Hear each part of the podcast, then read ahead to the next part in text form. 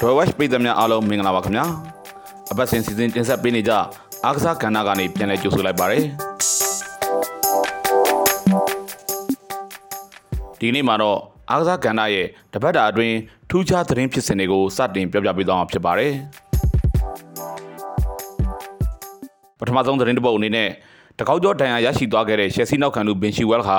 ကမ္ဘာဖလားပြိုင်ပွဲနဲ့လွဲချော်ရဖို့ရှိနေပြီဆိုတဲ့သတင်းကိုပြောပြချင်ပါတယ်။ ရှယ်ဆီကဒိုင်နမိုဇာဂရက်ကို2ဂိုးတကူနဲ့အနိုင်ရရှိလိုက်တဲ့ချန်ပီယံလိအုပ်စုပွဲစဉ်မှာတကောက်ကျော်ဒဏ်ရာရရှိသွားခဲ့တဲ့ရှယ်ဆီနောက်ခံလူဘင်ရှီဝဲလ်ဟာကမ္ဘာဖလားပြိုင်ပွဲနဲ့လွဲချော်ရဖို့နှိစက်နေပြီဖြစ်ကြောင်းသိရှိရပါတယ်။ရှယ်ဆီနီးပြဂရီယန်ပေါ်တာကလည်းဘင်ရှီဝဲလ်ရဲ့ဒဏ်ရာဟာအတိုင်းအတာတရက်အထိပြင်းထန်နိုင်ခြေရှိတယ်လို့သုံးသပ်ထားပါတယ်။ဘင်ရှီဝဲလ်ကွင်းပြင်ထွက်လာတဲ့ပုံစံကိုကြည့်လိုက်ရင်ဒဏ်ရာအရှိန်တွေကအကောင့်တဲ့အစိုးဘက်ကိုပိုဥတည်နေတာသိတာတယ်လို့နီးပြပေါ်တာကမှတ်ချက်ပေးသွားခဲ့ပါတယ်။ ဘင်ရှီဝဲလိုကစားသမားမျိုးကိုကမ္ဘာဖလားပြိုင်ပွဲကစားဖို့အတွက်ခေါ်မသွားနိုင်တော့တာဟာအင်္ဂလန်အတွက်ထိုးနှက်ချက်တည်းဖြစ်လာနိုင်ပါတယ်။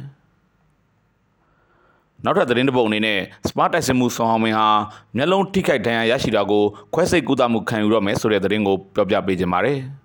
။စပါတိုက်စစ်မှုဆောင်အောင်မင်းဟာမျက်လုံးထိခိုက်ဒဏ်ရာရရှိထားတာကိုခွဲစိတ်ကူးသမှုခံယူရလိမ့်မယ်လို့သတင်းကြားသိရပါတယ်။ စပါကနေမာဆေးကို2ဂိုးတဂိုးနဲ့အနိုင်ရရှိလိုက်တဲ့ချန်ပီယံလိအုပ်စုပွဲစဉ်မှာဆောင်အောင်မင်းကဒီဒဏ်ရာကိုရရှိခဲ့တာပါ။ဒဏ်ရာအရှိန်နေအရလီဗာပူးကိုရင်ဆိုင်ရမယ့်ပရီးမီးယားလိပွဲစဉ်မှာတော့စပါသင်းရဲ့လူစင်းနဲ့ဆောင်အောင်မင်းပါဝင်လာဖို့မရှိဘူးလို့သတင်းကြားသိရပါတယ်။ဒါပေမဲ့ခွဲစိတ်ကူးသမှုတွေခံယူလိုက်ပြီးရင်ဆွမ်အောင်မင်းရဲ့ဒဏ်ရာကတက်တာသွားဖို့ရှိနေတဲ့အတွက်တောင်ကိုရီးယားလက်ရွေးစင်အသင်းနဲ့အတူကမ္ဘာဖလားပြိုင်ပွဲကိုတော့ဆွမ်အောင်မင်းပါဝင်ကစားပေးနိုင်လိမ့်မယ်လို့သိရှိရပါတယ်။ နောက်ထပ်သတင်းတစ်ပုဒ်အနေနဲ့အာဆင်နယ်တိုက်စစ်တောင်ပန်ကစားသမားမာတင်နယ်လီကအာဆင်နယ်ဘက်ကစာချုပ်တွေကမ်းလှမ်းခဲ့ရင်သူ့ဘက်ကလက်မှတ်ရေးထိုးလိုက်ဖို့အဆင်သင့်မယ်လို့ထုတ်ဖော်ပြောကြားလိုက်တဲ့သတင်းကိုပြောပြပေးခြင်းပါတယ်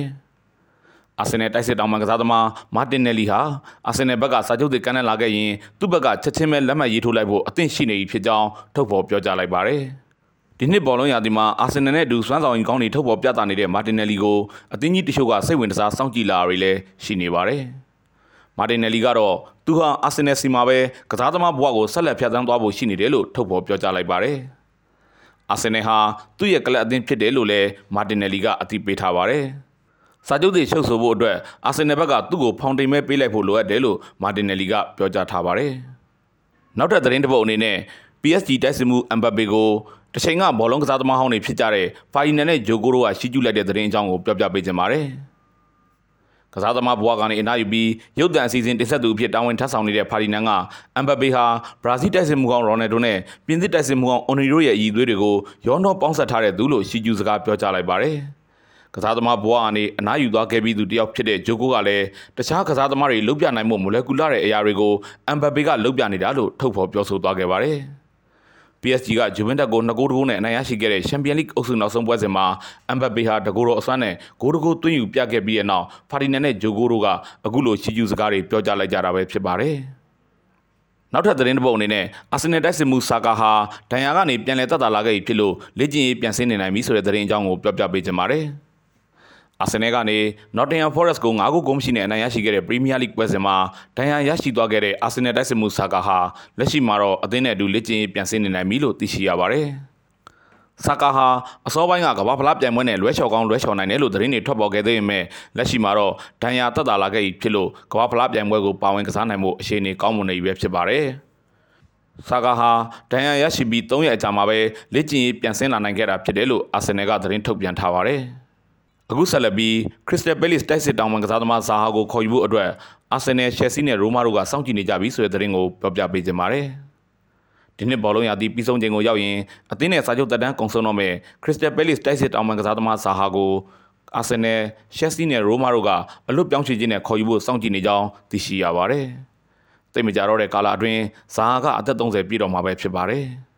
ခရစ္စတယ်ဘဲလီစာဇာဟာကိုစာချုပ်တွေချုပ်ဆိုဖို့ကမ်းလှမ်းပြောဆိုထားပေမဲ့ဇာဟာဘက်ကတော့စာချုပ်တွေချုပ်မယ်မချုပ်ဘူးဆိုတာကိုအခုအချိန်ထိယတိပြတ်ဆုံးဖြတ်ချက်မချသေးဘူးလို့သိချရပါတယ်။နောက်ထပ်သတင်းတစ်ပုဒ်အနေနဲ့မန်ယူဟာဒေါမွန်ကွင်းလယ်ကစားသမားဘယ်လင်ဂန်ကိုခေါ်ယူဖို့အတွက်စိတ်ဝင်စားရှိနေပြီဆိုတဲ့သတင်းကိုပြောပြပေးခြင်းပါတယ်။မန်ယူဟာဒေါမွန်ကွင်းလယ်လူဘယ်လင်ဂန်ကိုခေါ်ယူဖို့အတွက်စိတ်ဝင်စားရှိနေပြီလို့သတင်းတွေထွက်ပေါ်နေပါတယ်။ ဘယ်လင်ဂန်ဟာအသက်19နှစ်အရွယ်သားရှိသေးပြီးဒီကစားသမားလေးကိုရရှိနိုင်မှုအတွက်အာဆင်နယ်၊လီဗာပူး၊ရီယယ်မက်ဒရစ်တို့လိုအသင်းတွေနဲ့ရှင်ပြိုင်ပြီးမန်ယူကကြိုးပမ်းရပါလိမ့်မယ်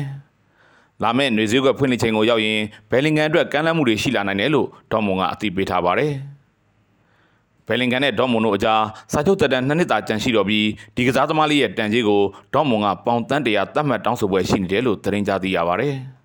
နောက်ထပ်သတင်းတစ်ပုဒ်အနေနဲ့ရှယ်ဆီကွင်းလယ်လူဂျော်ဂျင်ညိုကိုခေါ်ယူဖို့ AC မီလန်နဲ့ဘာစီလိုနာတို့ကအပြိုင်ဆိုင်စိတ်ဝင်စားနေပြီဆိုတဲ့သတင်းကိုပြောပြပေးချင်ပါတယ်။ဒီနှစ်ဘောလုံးရာသီပြီးဆုံးချိန်ကိုရောက်ရင်စာချုပ်တက်တန်းကုံဆုံးတော့မဲ့ရှယ်ဆီကွင်းလယ်လူဂျော်ဂျင်ညိုကိုဘာစီလိုနာနဲ့ AC မီလန်တို့ကအလွတ်ပြောင်းချခြင်းနဲ့ခေါ်ယူနိုင်ဖို့အပြိုင်ဆိုင်စိတ်ဝင်စားနေကြပြီဖြစ်ပါတယ်။ဂျော်ဂျင်ညိုနဲ့ရှယ်ဆီအသင်းတို့အကြားမှာချုပ်ဆိုထားတဲ့စာချုပ်ကဒီနှစ်ဘောလုံးရာသီပြီးဆုံးချိန်ကိုရောက်ရင်တက်တန်းကုံဆုံးတော့မှာပဲဖြစ်ပါတယ်။ ဂျော်ဂျင်ညိုကတော့သူ့အနေနဲ့ရှယ်ဆီအသင်းစီမှာပဲကစားသမားဘဝကိုဆက်လက်ဖျက်ဆီးခွင့်ရကျင်တယ်လို့ထုတ်ဖော်ပြောကြားထားပါတယ်။ဒါကတော့တော်ဝဲဝက်ကိုစောင့်ကြည့်နေကြတဲ့ပရိသတ်တွေအတွက်တပတ်တာအနှစ်ချုပ်သတင်းအစီအစဉ်ပဲဖြစ်ပါတယ်ခင်ဗျာ။